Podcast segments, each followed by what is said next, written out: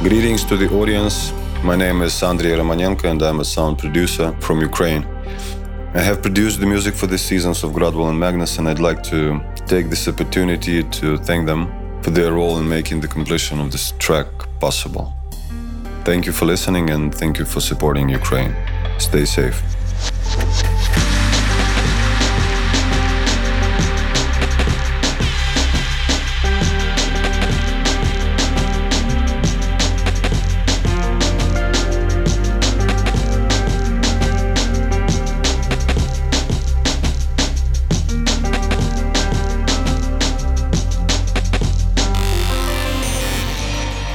Du lyssnar på Gradvall och Magnus. Det här avsnittet heter Moravets paradox.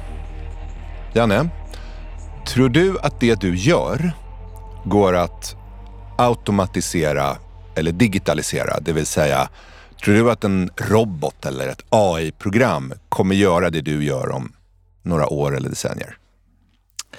För två år sedan eller ärligt talat kanske till och med för ett år sedan, hade jag svarat förstås absolut inte. Det jag gör är oersättligt. Jag är en impulsiv människa. AI kan aldrig ersätta människan så. Nu när man liksom läser på om det mer så inser jag att jag till viss del kanske redan är då ersatt eller snarare kompletterad av AI. Om man kollar på nyhetsflöden som stora tidningar jobbar med, det är väldigt mycket då AI som samlar in information, skriver ganska mycket notiser till exempel som vi ser i tidningarna. Det är AI som gör det. Och sen inser jag själv att när man gör väldigt många intervjuer som jag gör, alltså där man sitter med mikrofon, sen ska man då skriva av bandet, kallat transkribera, är oändligt tidsödande och tråkigt. Men så upptäckte jag en, en firma som hjälper till med detta för en ganska rimlig penning. Och jag vet inte om de har något sån här röstgenererat program, men jag får de här transkriberade texterna overkligt snabbt tillbaka från dem då. Och det står exakt vad jag säger och exakt vad Mick Jagger säger eller vem jag nu pratar med. Så redan där har jag låtit mig själv kompletteras av AI. En annan exempel är att jag har som tradition tillsammans med några vänner att vi kollar på Oscarsgalan eh, på natten. Vi sitter där 20 stycken. Och det är en av de killar som heter Thomas, är väldigt smart, jobbar med liksom tech. Och då ska man bettat innan, vem vinner alla de här då 23 kategorierna? Man måste vara väldigt påläst. Han brukar vara en sån. I år, jag, jag har inte läst på någonting. Jag, jag gjorde ett AI-program eh, och jag bara min, min röstsedel är vad AI har gjort efter att AI på något sätt då har tagit hand om alla tipsen. Och han kom tvåa och jag kom sist. Så svar på den frågan, jo, AI kan nog definitivt göra vad jag gör. Skälet att jag ställer frågan nu när vi hållit på i några säsonger, det var att vi i slutet på ett avsnitt, säsong ett, vidrörde det här, men givet utvecklingstakten så börjar man märka att svaren blir annorlunda. Jag tror att det var Mark Twain som sa att någonting man har förutspått länge ser ändå lite oväntat ut när det väl kommer. Mm. Om man skulle kunna kalla det gamla världen för analogien så skulle man då kunna säga vi är inte i analogien längre. Ett exempel på det vi måste faktiskt lyssna på det här. Det är då att man via AI har låtit Jay-Z, rapparen, göra Shakespeare. Det låter så här.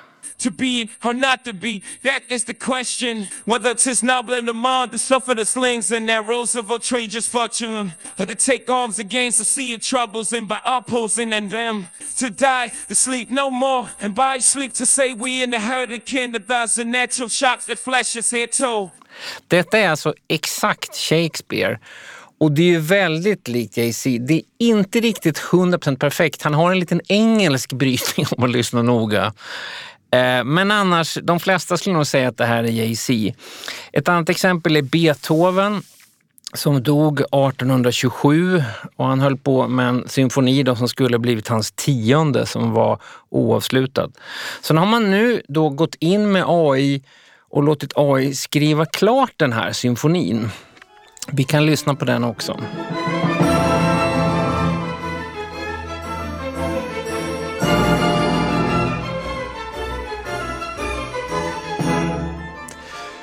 Jag tror att 99 av 100 när de hör det här skulle tänka, ja det här är Beethoven. Men det är det alltså inte. Det är AI som härmar Beethoven. Inte här är det 100% perfekt för att nackdelen är om man tog Magnus Linkvists föreläsningar och lät AI gå igenom dina föreläsningar Magnus från säg 2018 till 2022 och sen lät man AI göra den nya föreläsningen. Det skulle ju bygga på allt du har gjort så att säga. Det skulle bli rätt bra, skulle Magnus.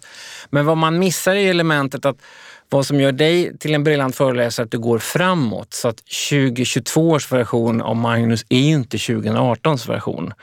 Och det kan man då uppleva med Beethoven, att han hade nog sett till att ta ett steg framåt i det här fallet. Men nu finns det andra exempel som faktiskt är helt perfekta.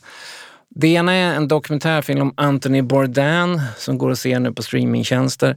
Han var ju en kock i New York som skrev Kitchen Confidential och sen gjorde reseprogram, blev liksom kocken som rockstjärna och som då tog livet av sig på ett väldigt tragiskt sätt.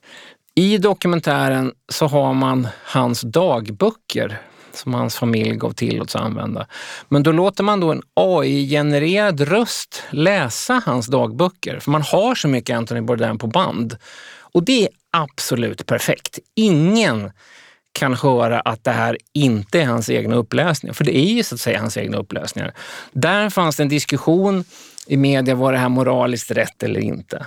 Sen har vi ett annat exempel som är Andy World Diaries, en dokumentärserie på Netflix där man då utgår från Andy Warhols egna dagböcker. Samma sak även där, att man låter AI läsa upp Andy Warhols dagböcker. Och det är ju Andy Warhol, det låter exakt som Andy Warhol. Där har ingen diskuterat det för att alla tycker att och självklart gör man så här. Och det känns ju väldigt Andy Warhol. Han skulle ha älskat att en robot är Andy Warhol. I sure would. Well, first thing I would do is I'd put carpets in the streets så det du beskriver här är att man har gått från lite spektakulära, lite dåliga tricks till någonting som faktiskt fyller en väldigt tydlig nytta och inte går att göra för människor. Nej, och förhöjer upplevelsen. De här dokumentärerna blir ju bättre för att vi hör deras röster. Och där kan man ju se AlphaFold, som är ett program utvecklat av Googles DeepMind det är alltså en, ett verktyg gjort för att kunna kartlägga och förutspå hur proteiner viker sig. Proteiner är ju grunden till allt i en människokropp. Till organen och hur de ser ut, till sjukdomar, till att utveckla läkemedel. Det är så att säga kartan överallt. Problemet är att för en människa att kartlägga hur ett protein viker sig, det tar flera decennier om man ägnar sig till det fulltid. Det AlphaFold gör är att den väldigt, väldigt snabbt, vi pratar alltså på millisekundsnivå, kan visa det och kartlägga det. Och man förutspår ju att sannolikt så blir AlphaFold inom några år den första riktigt stora så här, teknologiska algoritmiska uppfinningen som kommer vinna ett Nobelpris i, i, i medicin. Ett annat exempel, en värld där man faktiskt har börjat jobba aktivt med AI, det är dels finansiella analyser. Det andra är juridik. En startup som heter Logix, de eh, bestämde sig för något år sedan att de skulle låta en algoritm tävla mot en mänsklig advokat. Ungefär som att man har gjort det i schack och Go, sådana här brädspel. Och då gjorde man ett kontrakt där man avsiktligt gömde en massa misstag och fel. Och så lät man en mänsklig advokat tävla mot algoritmen. Och båda två upptäckte ungefär lika många fel. Faktum är att algoritmen var någonstans 92 procent av felen, den mänskliga advokaten 88 procent. Men vi kan säga att det är oavgjort. Men det häpnadsväckande sen är ju att det tog den mänskliga advokaten åtta timmar. Och du vet ju ungefär vad en advokat tar i timarvode, så det blir ganska dyrt. Det tog algoritmen mindre än två sekunder.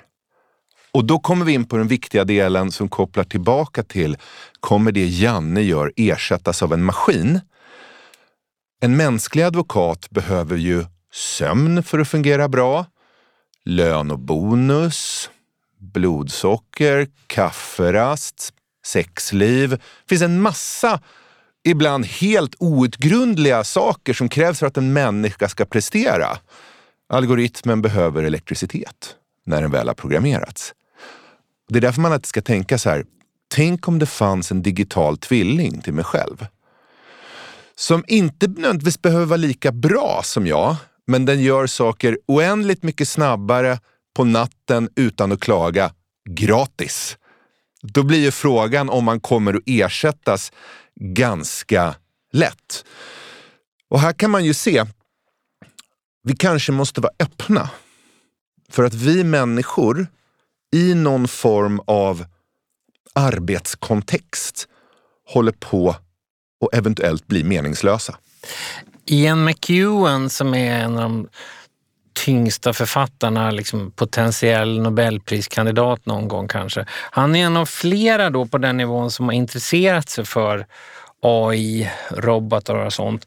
Och i Maskiner och jag så har han en passage att han skriver liksom om människan, att man, vi har trott att vi är helt unika. Vi är då Herrens skapelse, ingen kan ersätta oss. Men sen har då biologins landvinningar gjort att vi inser att nej, människan är, består av precis samma sak som gärna exempel violer, får och bakterier. Det vill säga att det är ungefär samma typ av grundmaterial i oss. Och just den forskningen inom biologi, eh, kemi gör ju att vi, vi inser att det, kanske, det är nästan som en del av ett dataprogram egentligen. Att vi, vi har blivit människor, de blev bakterier, de blev får. Och det gör ju att man blir mer ödmjuk inför människans plats i universum och människans möjligheter. Ja, och i det så finns det ju också en insikt. Därför att en av sakerna vi har klamrat oss fast vid är att just intelligens och kreativitet, det är det bara människor som har. Men i den här ödmjukheten som naturvetenskaperna, och innan biologin var det ju faktiskt astronomin, som visade sig att nej, allt svävar inte runt jorden utan det är snarare tvärtom. Och förresten är våran galax bara en liten del av en oändlig mängd mm, galaxer. Mm. Så det här att gå från att tro att man är centrum i universum till att vara relativt betydelselös. När man hör sådana, jag tänker alltid på en scen i Men in Black. Den här filmen med den numera berömde på ett annat sätt Will Smith och Tommy Lee Jones. Eh, då jagar ju de, de är ju liksom någon sorts eh, space CIA som jagar och försöker ta reda på vad vill aliens som är här. Och det är någon försvunnen galax de hela tiden pratar om. De undrar var är den här galaxen någonstans? Var ska vi åka till den? Och då visar det sig att Galaxen är en liten kula på halsbandet till en katt. I den lilla kulan så finns det ett helt universum. Ungefär som våran Vintergatan. Jag tycker att det, och det är ju, när mer man vet så är det faktiskt inte osannolikt egentligen. För varför skulle saker vara lika stora som vi har fått för oss att de är på jorden? De kan vara oändligt mycket större, de kan vara oändligt mycket mindre.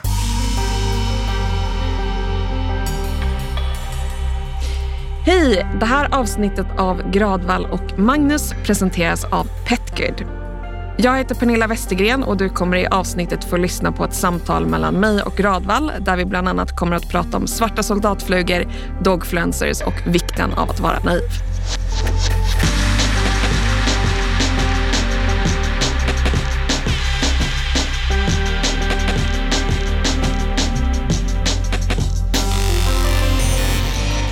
Välkommen Pernilla Westergren som driver Petgood som är en väldigt intressant sak. Ni säljer alltså djurmat som är gjort på insekter. Jag har massor frågor om det här, är väldigt nyfiken, men bara först här, var exakt kommer ingredienserna ifrån? Ja, till att börja tack så jättemycket för att jag får, får vara här. Jättekul att snacka med er. Eh, insekterna är, vi jobbar med svart soldatfluga eh, och jobbar med en av världens ledande insektsfarmare som heter Protix som är belägen i Nederländerna. Och eh, mer, vad för slags fluga, hur kom man på att man kan äta den här? Ja, eh, men det är svart soldatfluga heter det och anledningen då varför vi har valt att jobba med den specifika flugan, det är just för att det så har det jättemycket hälsofördelar för hunden. Det är vad man kallar en högkvalitativ proteinkälla och samtidigt så är den också extremt resurssnål. Eh, så det betyder att det kräver betydligt, eller resulterar i betydligt mindre eh, växthusgaser till exempel än andra animaliska proteinkällor, mindre landförbrukning, mindre vattenförbrukning och sen så är det också jättecoolt för att insekterna lever på organiskt matavfall som annars hade slängts, alltså, ja, man hade slängt. Och då kan de då omvandla det till högkvalitativt eh, protein. För man har ju spekulerat i, eller man tror verkligen att det kommer bli för människor också för att det är så klimatsmart och bra för alla verkligen. Att man, det finns väldigt mycket protein i insekter. Mm. Så du är ju en föregångare med det här nu att man börjar med, med, med hundmat då, eller djurmat. ja, exakt. Man kan börja där. Mm -mm. Jag gissar att en motfråga du har säkert har fått hundratals gånger när du har presenterat det här är liksom typ någon annan sitter där på andra sidan rummet och säger så här varför ska min, min hund äta insekter? Det låter väl äckligt. Mm. Vad, vad säger du då? Alltså jag kan säga så här, jag har ätit eh, fodret självt. Alltså jag, tycker inte att det, jag tycker inte att det är så äckligt. Och det som jag tror, men liksom så lite mer seriöst svar på det, det är just att man vågar ta till sig forskningen. Eh, för att det viktiga är ju att man ska, liksom, det vi gör är att vi kollar på aminosyreprofilen av eh, insekterna som proteinkälla och jämför det då med dels såklart rekommendationerna men också andra proteinkällor. Eh, och där ser man ju då att, och det säger även brittiska veterinärförbundet, att eh, insekter är är i linje med, alltså kvaliteten är i linje med toppsteak för hundar. Alltså det är verkligen superbra proteinkälla. Eh, så att mycket tyvärr i västvärlden handlar ju om att vi har en negativ inställning till insekter, tycker att det är lite äckligt. Så vågar man lägga undan sina fördomar och fokusera på, på faktan och att hundarna mår så extremt bra, eh, ja, då, då tror jag att man har svarat ganska snabbt varför man ska fokus, eller ge sin hund insekter.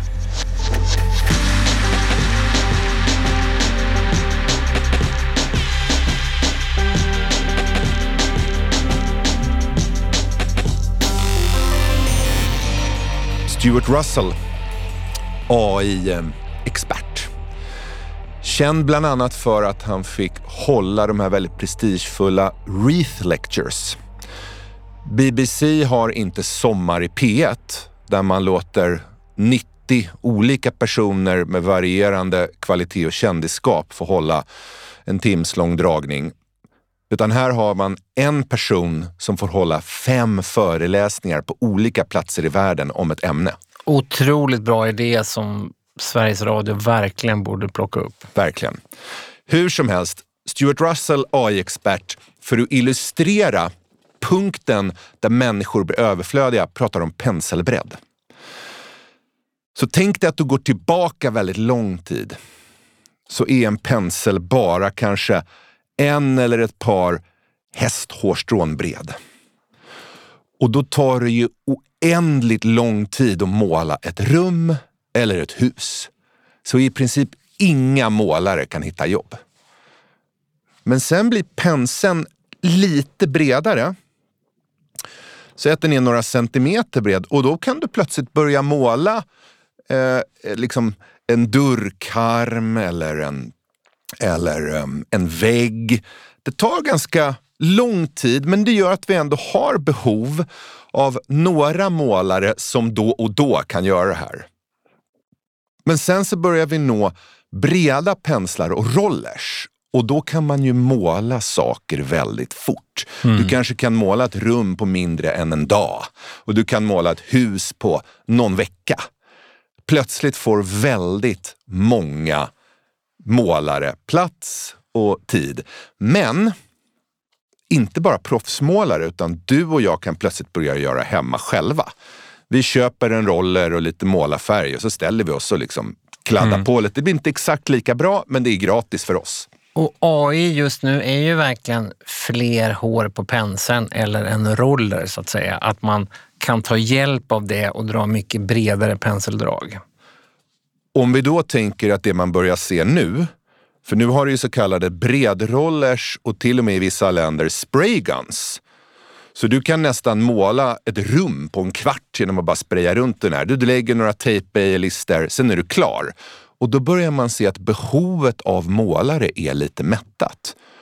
Och vägen därifrån, från att du ställer ungefär som en så här robotstyrd dammsugare med en spraygun, då får plötsligt inga målare jobb längre. För du kan måla om en gång i veckan om du vill och det gör att du kanske inte gör det för det är lite överflödigt. Så det går någon form av punkt här mm. där aktiviteten som görs värderas lägre. Eftersom vi kan göra den så ofta så gör vi den inte lika ofta och målarna som yrkeskategori blir helt överflödiga. Så att bli meningslös någonstans. Sådana skeden har man ju upplevt i historien förut. Ett exempel är ju när hästar var ju det stora transportmedlet, att hästar var allt. Sen helt plötsligt så märker man att det sker någon teknisk landvinning som gör att de verkligen inte blir allt. För det finns lite exempel, att vad gjorde man med hästar då? Vad användes de till? De blev djurfoder och lim istället. Ja, eller, eller hår på penslar kanske. Eh, inget ont om hästar, men det var ju så, man använder inte hästar längre som transportmedel. Eh, Hermes, franska lyxmärket, kanske det mest prestigefyllda lyxmärke man kan ha. Gucci kanske kan konkurrera. Vissa amerikaner kommer undan med att säga Hermes, men det heter Hermes. De grundades 1837.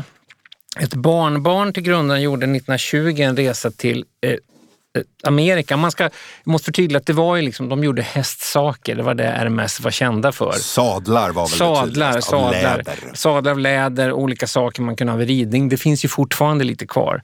Men barnbarnet gjorde en resa till USA 1920 och insåg, vänta, vänta nu, automobil verkar vara en ganska bra uppfinning. Jag tror kanske inte att vi kan förlita oss på att göra sadlar längre. Så att då sadlade om, förlåt vitsen, RMS sadlade om och blev verkligen ett modernt företag som tittade på automobilindustrin. De tittade på blixtlås, vilket han också upptäckte i USA. Men just den där formen att kunna läsa av tiden och inse att vänta nu, vi kan inte vara här längre, vi, vi måste göra någonting annat. Det händer ju då och då och det händer just nu med AI. Ja, och där kan man ju också se, vi, du och jag förälskade oss i ett citat av Mauro Scocco som sa att göra musik idag, åtminstone för honom, det är bara marginellt mer lönsamt än att dreja. Det vill säga någonting man kunde leva gott på, spela in och släppa paketerad musik, är idag något som mer liknar en hobby i likhet med att rida häst eller måla om rummet hemma. Mm, verkligen. Det, han sa det i kontexten att en artist på hans nivå då, oavsett om han släpper nya låtar nu så är det ändå de gamla låtarna som kommer spelas på radio. Det är Scocco-katalogen som gäller. Och om han då släpper ett nytt album och tror att han ska tjäna pengar på det, då blir han ju bara besviken. Utan då känner han, ah, men jag gör det här i alla fall för att det är som att dreja. Jag tycker om att göra det här. Eh, men då har han verkligen förstått att det är en ny tid vi lever i. Och där kommer vi till avsnittets titel Moravets paradox. Hans Moravec, österrikisk robotikforskare på Carnegie Mellon universitetet i USA, gjorde följande insikt. Det som är svårt för människor, det är i regel ganska lätt för maskiner. Härma den bortgångne Anthony Bourdains röst. Lätt för en maskin, svårt för en människa. Ehm, Vika proteiner och modellera dem. Svårt tar lång tid för en människa, lätt för en maskin. Men Moravec paradox är just det att det som är lätt för människor, det tenderar att vara väldigt svårt för maskiner. Bara för att ta ett snabbt exempel. Om jag ställer två olika frågor till dig, Janne. Janne, kan du spela piano? Eller, Janne, kan du räcka mig saltet? Så förstår du exakt att det ena är att jag undrar över information från dig, kan du spela piano? Och det andra är att jag ber dig om en tjänst. Svarar du fel på dem, kan du räcka mig saltet? Ja, jag är till och med ganska bra på det. Då blir jag förorättad eller arg. Eller sur, fattar ni inte vad jag menar? För oss är det här väldigt lätt och naturligt. Amazon har ju upptäckt det när de har gjort hela kedjan helt automatiserad. De har egentligen skulle nästan kunna avskaffa människor, trodde man. De har till och med lyckats göra det så långt så att då hyllan kommer till platsen. Man behöver inte ens gå på lagret längre som man gjorde på Ikea till exempel, utan hyllan kommer till dig. Men det allra sista momentet, det vill säga ta varan, packa den i en låda. Det kan inte maskinerna göra, så där behöver man människan. För att är det en kortlek, ljusstake, CD-skiva så viker du ihop den lite annorlunda och det kan man inte programmera sig till. Eh, så det, det är ett bra exempel på det här att maskinen kan göra andra men inte det sista ledet. Nej, och en stor skillnad där på maskiner och människor så som de i alla fall fungerar idag, det är att maskiner har vad vi kan kalla för aggregativt eller aggregerat lärande. Du lägger på. Det här är en låt, det här är en röst, det här, så här lät Anthony Bourdain. Kan du kombinera de här två så lägger man saker lager på lager. Människor har någonting som mer liknas vid ett reduktivt lärande. En eh, treåring tänker att världen är så full av möjligheter. Allt går. Allt kan vara en stol. Allt är en lek. Alla människor är snälla. Universum är oändligt. Allt kan hända. En drake kan ligga under sängen. Med åldern så reducerar man det och inser att det finns vissa regler för vad som kan vara en stol. Och nej, drakar under sängar har vi i alla fall hittills i världshistorien inte fått syn på. Det finns sannolikt inte. Inte alla människor är snälla. Så lärandet som maskiner och människor har är i vissa avseenden diametralt motsatta varandra. Och där kommer vi också in på en, en aspekt som du var inne på när du berättade om, tänk om en algoritm skulle slutföra en föreläsning eller göra en föreläsning. Då skulle den ju bara bygga på allt som redan har gjorts. Och det är för att algoritmer bygger på vad kommer i nästa ögonblick. Alla som har använt såna här skriva manusprogram i datorn vet att den bygger på att gissa sig till nästa ord. Likadant om du slår in ord i sökboxen på Google så gissar den vad ditt nästa ord kommer vara. Som jag skriver, det var en mörk och stormig, så vet man att nästa ord är natt. Och de där sakerna blir ju bättre och bättre. Ja. Den ska inte föreslå det var en mörk och stormig avokado. Men det intressanta med det är att det händer ju någonting helt annorlunda och faktiskt mer kreativt när vi säger det var en mörk och stormig avokado. Vänta, vad händer? Och här är vi på någonting oerhört spännande i mänsklig kreativitet.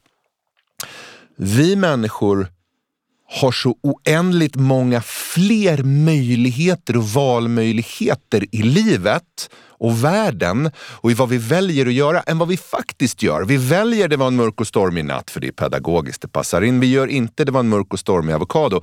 Likadant, vi skulle kunna välja att inte skriva en text och tänka, äh, jag går och onalerar istället. Eller jag mördar grannen, eller jag tar och bakar skons, eller jag lägger mig på soffan med ångest. Det kan inte en maskin. Moravets paradox. Det som är lätt för människor, svårt för maskiner. Svårt för människor, lätt för maskiner. Och för att hitta en gyllene medelväg här och framförallt koppla det till vad vår podd handlar om, skulle man kunna säga att det finns två sorters kreativitet. Det ena stavas med litet k, lite kreativitet, och det andra stavas med stort K, kreativitet med stort K. Lilla K är så här utforskande. Det kräver mycket tid och ansträngning för att kunna kartlägga hur något ser ut. Man säger ju faktiskt med motorer hästkraft. Och det är ett sätt att säga att nej, men den här ersätter ungefär så här många hästar. Otroligt att vi fortfarande använder det än, än idag faktiskt. Verkligen, men på samma sätt så skulle du kunna kalla det för hjärnkraft. Man mäter ju faktiskt eh, datorkraft med något som heter Floating Point Operations per Second, eller FLOPS. Och en människa har ungefär 10 följt av 15 till 20 nollor FLOPS. Världens idag främsta superdator, Fugaku, japansk, har fyra gånger ungefär den. Så den har ungefär fyra hjärnkrafter kan vi säga. Så explorativ litet k, det handlar om hur kan vi snabbt se olika möjligheter i det här. Ett exempel, Brian Eno och Peter Schwamm. De gör ju så här algoritmisk musik genom regler. De vill liksom testa och se om vi bara lägger en regel här, hur många olika dimensioner kan snabbt utforskas musikaliskt. Det skulle ta en människa eller en, en orkester århundraden att sätta ihop. Det gör den här maskinen väldigt fort. Det finns en, en moldavisk forskare på MIT som heter Regina Barzilei.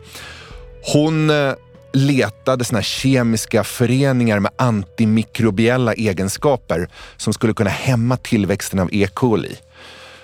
Och hon kunde själv kartlägga ungefär 6 000 molekyler. Med hjälp av en dator kunde hon plötsligt kartlägga 100 miljoner olika molekyler. Och de här är de första som har uppfunnit då hallicin. Hallicin är väldigt omskrivet idag för det är den första nya, riktigt löftesrika penicillinet som ska kunna råda bot på såna här mångresistenta bakterier. Det intressanta också är att hallicin är döpt efter HAL, den här AI-superdatorn i 2001, ett rymdäventyr. I'm sorry, Dave. I'm afraid I can't do that. Så det här är två exempel, Brian Eno och Regina Barzilei, på folk som använder den lilla K, den explorativa kreativiteten. Och där kommer ju då den andra formen av kreativitet som är transformativ. Och där har vi inte samma nytta av maskiner. För det transformativa handlar helt enkelt om man plockar från ett annat område och korsbefruktar in i ett nytt. Om man lyssnar på musik nu, egentligen vad som helst, hiphop, jamaicansk dancehall finns väldigt mycket exempel på, så hör man ju autotune, det vill säga att man förvränger rösten, att rösten låter robotlik.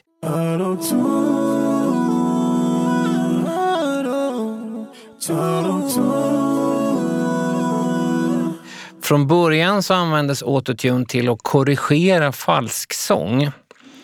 Det var det man använde till först. Sen så upptäckte att man kunde liksom vrida på det här och att det medvetet blev jättekonstigt.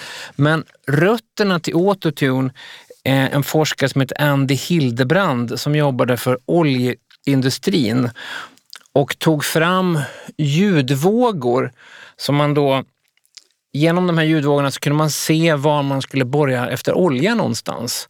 Att de liksom läste av havsbotten eller marken och, och, kunde se där under fanns det olja.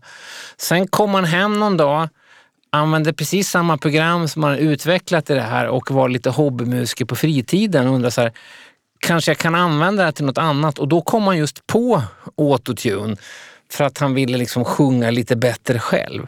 Men alltså från för att undra var finns oljan under havsbotten till Believe Me Share?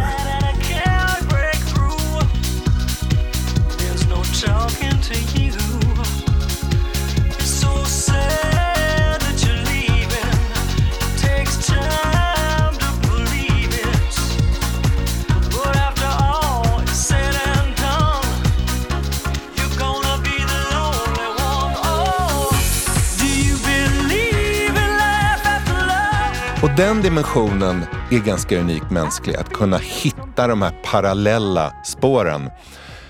Ett annat sånt berömt exempel som faktiskt också inbegriper ljudvågor, det är ju när eh, Sovjetunionen skickar upp Sputnik.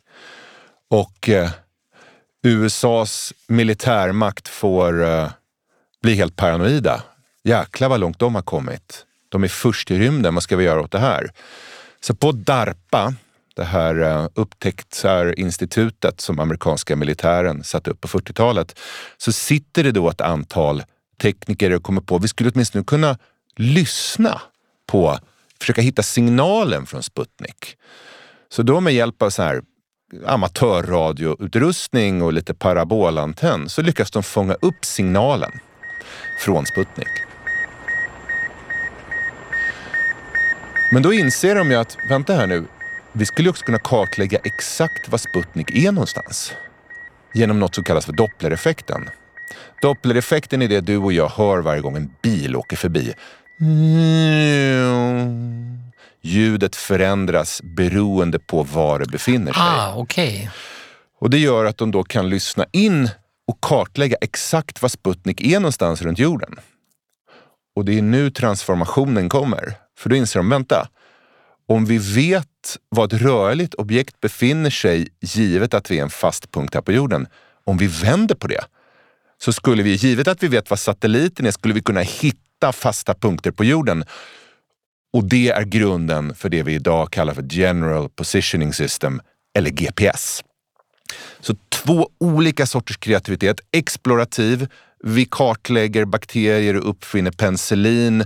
Vi tittar på hur proteiner kan vikas. Vi tittar på hur man kan skapa musik på olika nya sätt.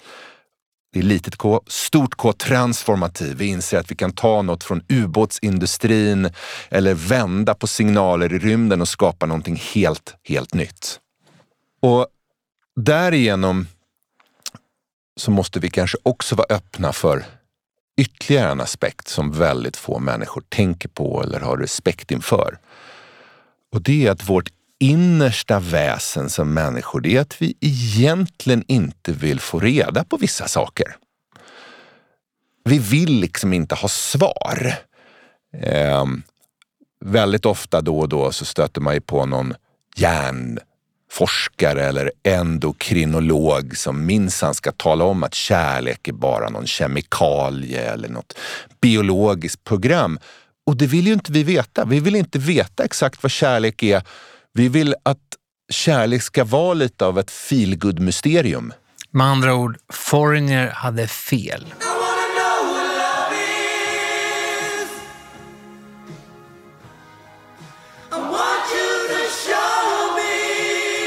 Det är likadant i det här skillnaden på konst och vetenskap. Så utan Selma Lagerlöf så finns ingen Nils Holgersson.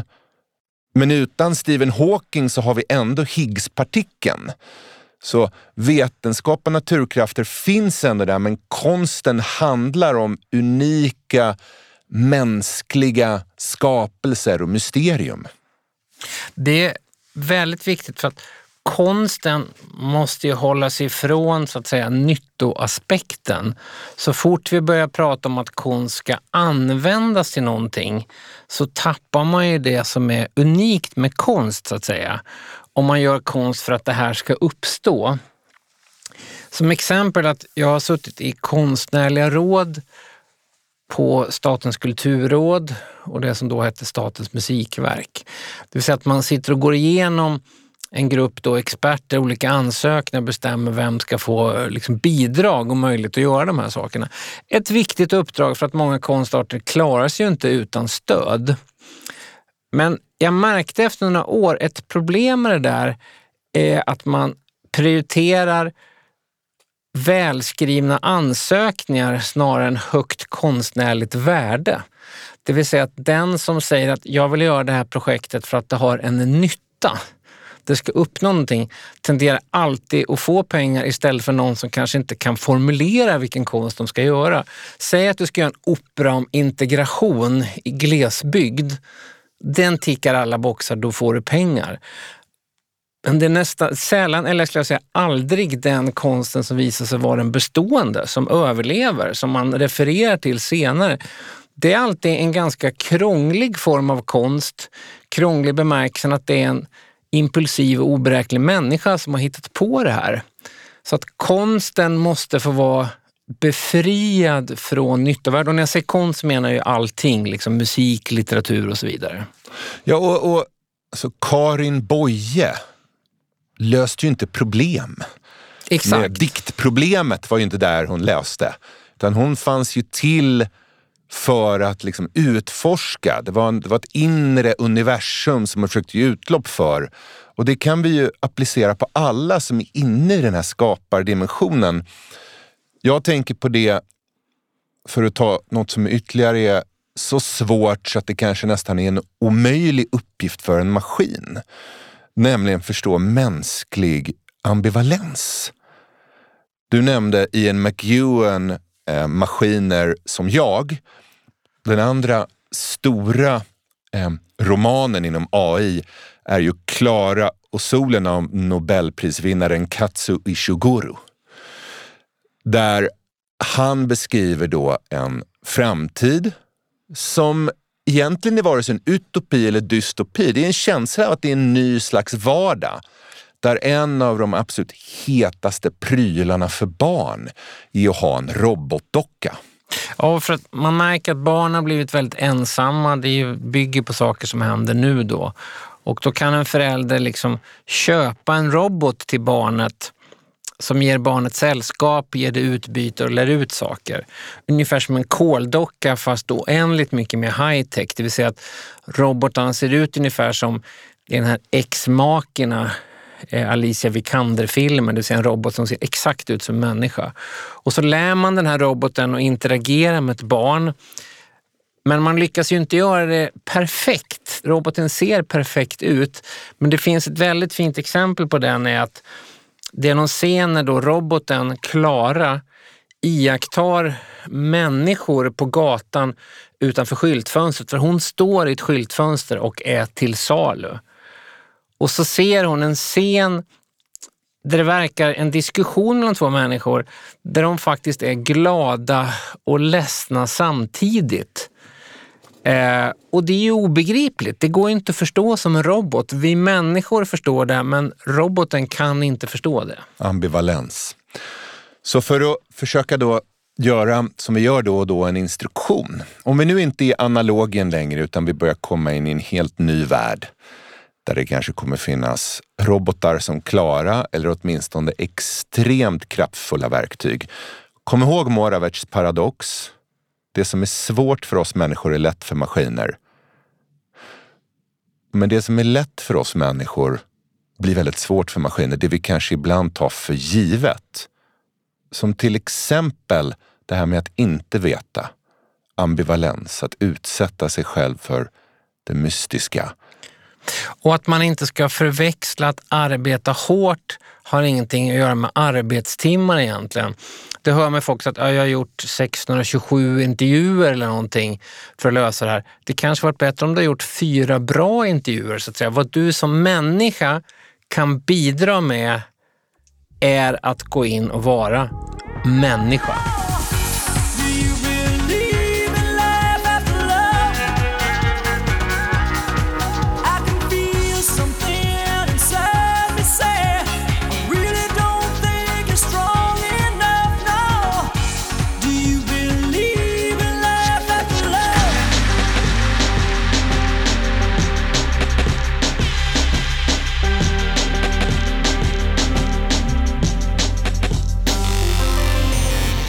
Historien om Petgood. Mm. Hur, hur ehm, uppstod ditt företag? Ja, eh, men det var, eh, jag har alltid älskat hundar eh, och sen så under corona så hade jag möjlighet att eh, som många andra skaffa, skaffa valp eh, och hade satt mig in i just, liksom, eller tycker det är väldigt intressant att fundera på vad man själv äter och hur ens egen livsstil och sådär påverkar klimatet. Och Siri då, min hund, hon hade mycket problem med, med magen och då började vi kontakta mat, alltså de aktörerna som vi köpte fodret från helt enkelt och frågade dem vad det var liksom, det faktiskt innehöll för att vi inte tyckte vi kunde inte förstå vad det stod på innehållsförteckningen och fick väldigt luddiga svar. Eh, och det är det som har varit eh, liksom ett väldigt stort problem inom hundmatsbranschen. Just den här transparensen som inte vi upplevde fanns. Eh, och sen så då att de biprodukter som man använde var väldigt dålig kvalitet. Så det andra problemet som vi också då fick upp ögonen för det var just hundarnas klimatpåverkan. Att ha en hund har ungefär lika stor klimatpåverkan som att ha en bil. Vilket är helt galet Oj. verkligen. Ja, men det är som helt som sjukt. hundägare men inte bilägare så blir jag lite chockad. ja, exakt. Eh, och, och då så fick vi då upp ögonen för det här med insekter. Jag hade läst om insekter just för att jag tycker det är intressant eh, ja, i form av människoföda också. Ehm, eh, och ja, blev, fick, då liksom att upp, eller fick veta då att insekter är en win-win både för hunden och planeten.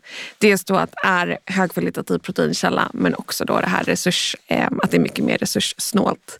Eh, så då har vår lidveterinär Nicky eh, tagit fram våra recept baserat på eh, insekter och vi jobbar också väldigt nära då den här insektsfarmen med den senaste forskningen och sådär.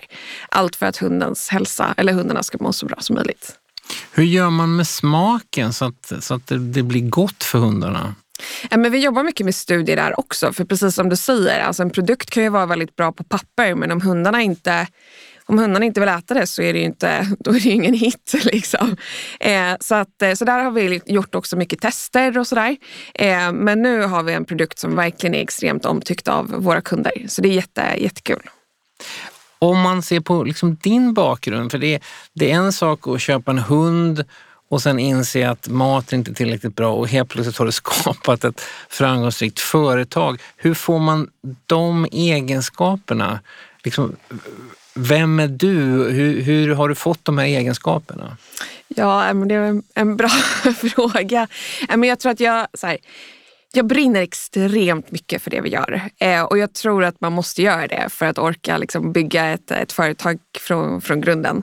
Eh, I alla fall så blir det så extremt mycket lättare och roligare när man känner att bara, men gud, man varje morgon bara, måste kämpa vidare för att vi måste lösa både vi måste kämpa för hundarna, vi måste kämpa för planeten. Så att det här starka drivet är väl någonting som, som jag tror har hjälpt väldigt mycket. Sen så har jag också, är jag väldigt tacksam för den erfarenheten som jag hade innan. Jag jobbade några år i London på investmentbank eh, och jobbade även på ett nordiskt private equity-bolag som heter FSN Capital. Där jag jobbade med olika entreprenörer som jag har inspirerats av väldigt mycket också och har nu även liksom när jag startat bolag själv kanske ännu mer respekt för för att jag förstår hur hårt de har, har jobbat. Eh, så det är klart att jag har fått bra, eh, en bra, väldigt bra grund därifrån. Och innan dess, vad, vad, vad pluggar du? Vad, vad, tänkte du när du gick i, i skolan? Vad, visste du redan då att du ville bli entreprenör och vilken utbildning gick du? Eh, jag pluggade på Handels i Stockholm ehm, och jag skulle inte säga att jag visste att jag ville bli entreprenör då. Utan, och det visste jag inte när jag var på FSN heller egentligen. Utan det var just det här att jag eh, identifierade någonting som jag såg att det fanns en väldigt stor marknad, två stora problem och någonting som jag brann för extremt mycket. Det är verkligen min dröm att både få jobba med eh, hållbarhet och kunder. För det är två ämnen som jag, som jag verkligen älskar. Så att hade jag inte som sagt, hade jag inte brunnit för det så hade jag nog varit kvar på FSM för att jag trivdes väldigt bra där också. I, i, i vilken fas befinner sig liksom Petgood nu? Vad, vad är utmaningarna? För jag gissar att ni vill växa och så. Mm. Vad, befinner er just nu? Eh, men vi har, eh, förra året och liksom året innan dess också så la vi extremt mycket tid på just produktutveckling. Eh, vi, la, vi bytte faktiskt namn från, från Funkifer till Petgood för att det var många kunder som hade väldigt svårt att uttala vårt tidigare namn. Så då tog vi med oss den kundfeedbacken. Eh, vi bytte faktiskt plattform så att vi drog många av de här, liksom, vi satte en riktigt, riktigt bra grund. Nu vet vi att vi har en grym produkt som vi är redo att skala. Så nu är fokus att få ut den här produkten helt enkelt eh, och att utbilda marknaden. Och det skulle jag vilja säga är vår stora, eh, vår stora utmaning. Alltså jag skulle aldrig ge Siri någonting annat idag när jag vet hur mycket tid och forskning som har lagts ner i vår produktutveckling och också just eh, hur extremt eh, högkvalitativt vårt foder är och hur fantastiskt insekter är som proteinkälla. Men det är också för att jag har suttit med det här nu i, i snart två år. Eh, men jag vill ju också att alla ska få veta, eh, få veta det. Så det är det som är vår, eh, vår utmaning helt enkelt, att informera. Det finns ju en humor i att hunden heter Siri om man frågar sin telefon. ja. Siri, vad vill du äta? Ja, exakt. Exakt, då blir svaret tydligt Petgood. men, men dina personliga egenskaper, om du skulle ge råd till någon som kanske drömmer att göra någonting liknande som du har gjort inte nödvändigtvis samma sak, så där, utan någonting annat. Vad, vad, behöver man för egenskaper som person? För jag gissar att man, man måste ha uthållighet, man måste fungera bra i mötesrum. Vad, vad, vad, är, vad är det viktigaste? Ja, men jag tror, jag tror som sagt att det viktigaste för mig har nog varit att jag trott så extremt mycket på det vi gör. Eh, så att eh, Vissa säger kanske att man kan här, starta företag och sen så kanske ah, att idén inte är det viktiga. Och det tror jag till viss del såklart för att execution är ju det som tar en idé till att bli ett företag. Men eftersom det är så mycket liksom, nöta, kämpa på, det har varit jättemycket utmaningar längs vägen. Hade jag då inte trott så mycket och varit så extremt passionerad för det vi gör så är det klart att det hade varit mycket svårare.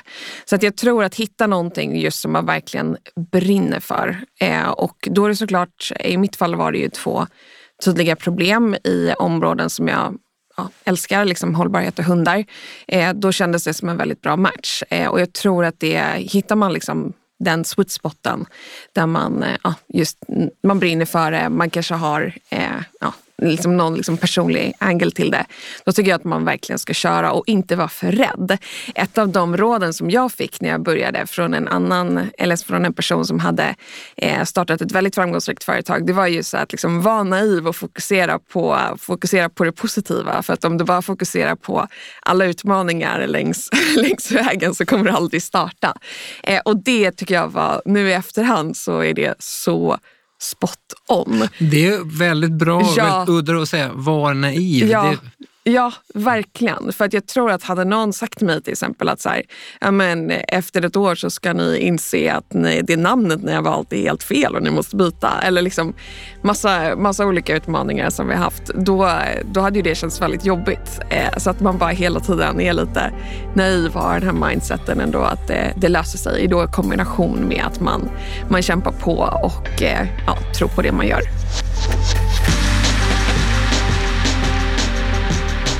Du har lyssnat på Gradvall och Magnus. Inspelningsstudio A1. Ljudtekniker Jonas Sjöberg. Musik Andrei Romanenko. Artwork Nina Olmaja. Tack till Jan Karl Adelsvärd.